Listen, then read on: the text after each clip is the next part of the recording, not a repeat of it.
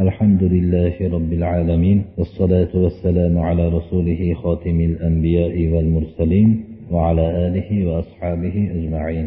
أما بعد السلام عليكم ورحمة الله. بسم الله الرحمن الرحيم.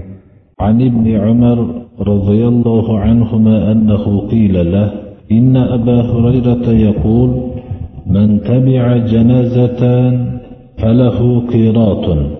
فقال أكثر أبو هريرة علينا فصدقت عائشة أبا هريرة رضي الله عنهما وقالت سمعت رسول الله صلى الله عليه وسلم يقوله فقال ابن عمر لقد فرطنا في قراريط كثيرة. Bu hadis sharifni abdulloh ibn umar rivoyat qilyaptilar bu kishi aytadilarki abu hurayra roziyallohu anhu kim bir janozaga ergashgan bo'lsa shu janozani vafot qilgan kishini oxirat safariga hozirlashlikda ishtirok etgan bo'lsa va shuning namozini o'qigan bo'lsa va shu bilan birga dafn qilishlikda qatnashgan bo'lsa shu haqda bo'lgan so'zlarini aytib abdulloh ibn umarga bu narsa eshitilgandan keyin kim janozaga ergashgan bo'lsa unga bir ulush deb abu hurayra shunday deydi dedilar abu abdulloh ibn umar. Va shu so'zlarini juda shu abu hurayra bizlarga kim janozaga ergashgan bo'lsa bir ulush bo'ladi deb shuni ko'p gapirdilar. Deb bu so'zni o'zlari rasululloh sollallohu alayhi vasallamdan eshitmagan ekanlar. Abu hurayra eshitganliklarini va shuni ko'p gapirganliklarini aytdilar. Shunda oysha roziyallohu anho ummul mo'minin abu hurayrani tasdiqladilar. Abu hurayraning bu so'zi to'g'ri dedilar. Men rasululloh sollallohu alayhi vasallamdan eshitdim deydilar oysha onamiz. Aytganliklarini kim bir janozaga ergashgan bo'lsa unga bir ulush bo'ladi deganlarini eshitganman deb tasdiqladilar shunda abdulloh ibn umar afsus qilib juda ko'p ulushlardan mahrum bo'lgan ekanmiz dedilar. Ya'ni shu janozalarga borishlikda beparvo bo'lgan ekanmiz deb shunday degan ekanlar abdulloh ibn umar. Boshqa hadislarda borki kim bir musulmon kishining janozasiga ergashgan bo'lsa borib namozini o'qigan bo'lsa bir ulush. Dafn marosimida ishtirok etgan bo'lsa ikki ulush dedilar. Shunda so'raldiki yo rasululloh bu ulush nima? deb so'ralganida uhud tog'icha savob dedilar. Mana bu janozaga ergashishlik haqidagi hadislar mana oysha onamiz ham bu savob bo'lishligini katta ajr bo'lishligini tasdiqlaganliklari hozir o'qib o'tildi. Shu narsa faqat savob bo'lishligini umid qilib borib shu dafn marosimidagi janozani o'qib mayitni dafn qilishlikda ishtirok etganlarga. Ammo shundan biror bir narsalarni ko'tarib kelib shunday qilinganlar mana bu ulushdan vallohu alam mahrum bo'lsa kerak. Chunki bu yerda aytilingan hadis sharifda shu janoza nima uchun? Birinchi bizga farzi kifoya. Bu haqda bir savol qilinib qoluvdi. Farzi kifoya deb aytiladiki agar shu amal bajarilsa shu hammani bo'ynidan soqit bo'ladi agar bajarilmay qolsa shular shu yerdagi musulmonlar shu viloyatdagi musulmonlar hammasi gunohkor bo'ladi. Buni kengroq aytadigan bo'lsak bir kishi vafot qilgan bo'lsa unga janoza o'qishlik bedagi tirik qolgan musulmonlarning vazifasidir yuvib tarab shu janozalarini o'qilgandan keyin dafn marosimida ishtirok etishlik agar fursatlari bo'lsa ishtirok etadi bo'lmasa ixtiyor o'zlarida agar mabodo meni ulushim kattaroq bo'lsin desa dafn marosimida ham ishtirok etadi. Shu ulushni endi olishlikka harakat qilinishlikka targ'ib qilyaptilar abdulloh ibn umar va shu haqda rasululloh sollallohu alayhi vasallamdan bu hadisni eshitmaganliklari bilan afsus qilib men juda ko'p ulushlardan mahrum bo'lgan ekanman deb attang qilyaptilar demak har bir kishi janozani bir xolis shu umid bilan shu ajrni olaman deb borilishlikka harakat qilmoqligi kerak. Shunda bid'atlar bo'lmasligi shart birodarlar. Janozaga borgan kishilarga har xil bir narsalar sovg'a salom qilib berilishlari bu narsalar islomda yo'q birodarlar. Balki biz muhtojroq bir joylar bo'ladigan bo'lsa shu eshiklar xonadonlar biz tarafimizdan endi yordamga muhtoj xonadonlar mabodo muhtoj bo'ladigan bo'lsa. Va ularni orqasidan qilinadigan ehsonlar haqida ham so'ralingan bo'libdi. So'ralingan savolga javob shuki biz mayit vafot qilgan bo'lsa orqasidan qilingan sadaqotlarga bularga hammasiga ajr bo'lishligi muqarrar. Sad ibn abi vaqqos aytdilarki onam vafot qildilar deganlarida onam uchun nima yaxshilik qilay deganlarida arabiston sahrolarida suv tanqis bo'lar ekan. Shuning uchun aytdilarki xalqlarning ehtiyoji bo'lgan narsaga ishora qildilar. Suv dedilar. Suvni bir quduq kavlatib shuni hamma ishlarni suv ichishlikka bo'ladigan sharoitlarni muhayyo qilib hada li ummi sadin deb bu sadning onasiga bo'lsin ajri deb shunday qildi. Shunga o'xshagan bizning ham sadaqotlarimiz biror kishi dadasi vafot qilgan bo'lsa volidasi vafot qilgan bo'lsa yo do'stlari vafot qilgan bo'lsa fikrlasinki hozirgi vaqtda xalqlar nimaga muhtoj? Shu yerda turgan odamlar nimaga muhtoj? Ana shu muhtoj bo'lgan narsalarni olib shu savobi dadamga yoyinki onamga bo'lsin deb shuni niyat qilinsa mana shu sunnatga muvofiq bo'ladi.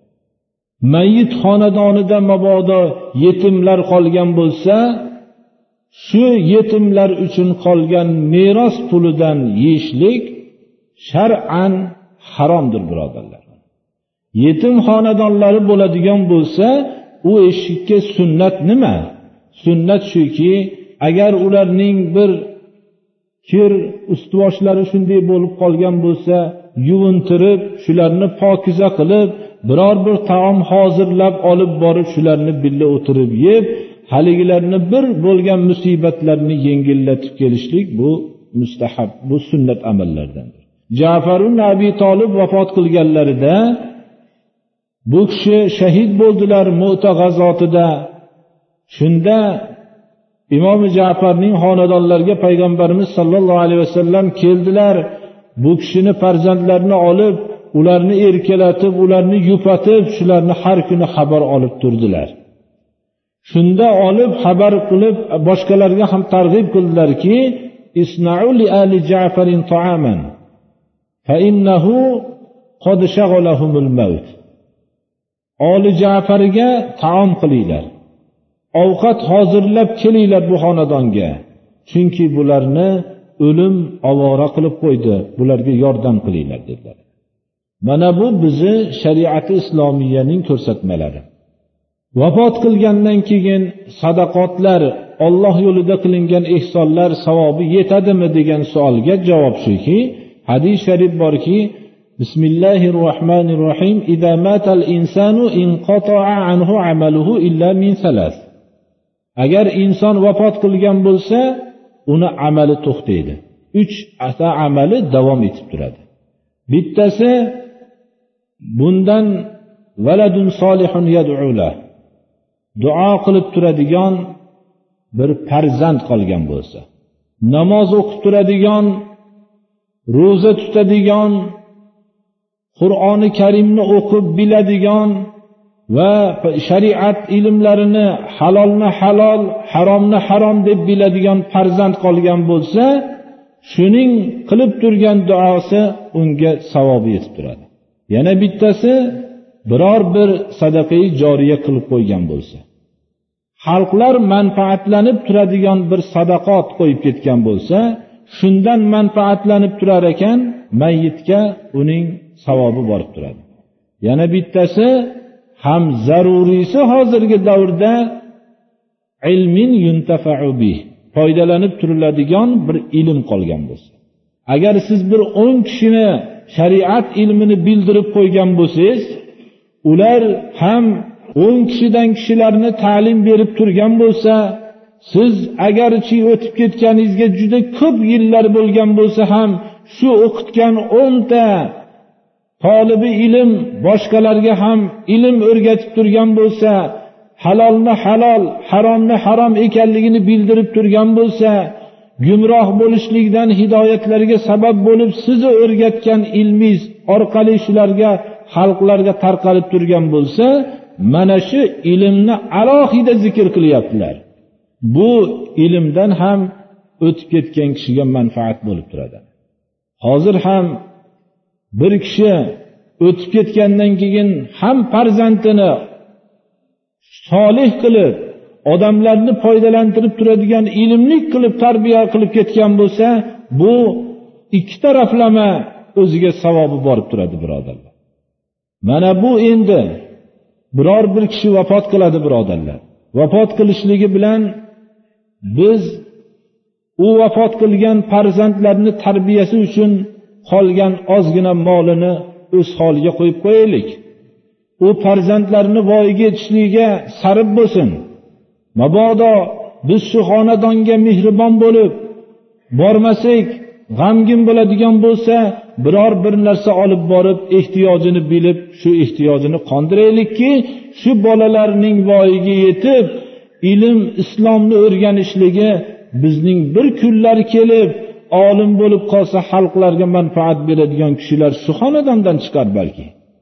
Endi mumkinki biz shuni moli davlatlarga tegmay turganimizda shunday komil bo'ladigan farzandlarni biz moli davlatlarni talon taroj qilib qo'ysak mumkin ular pul topishlik yo'lida har xil bir gunoh ishlar yo'liga o'tib ilmdan mahrum bo'lib qolar. Shunga biz sababchi bo'lib qolmaylik shunga. Islom bizga olloh tarafidan kelgan.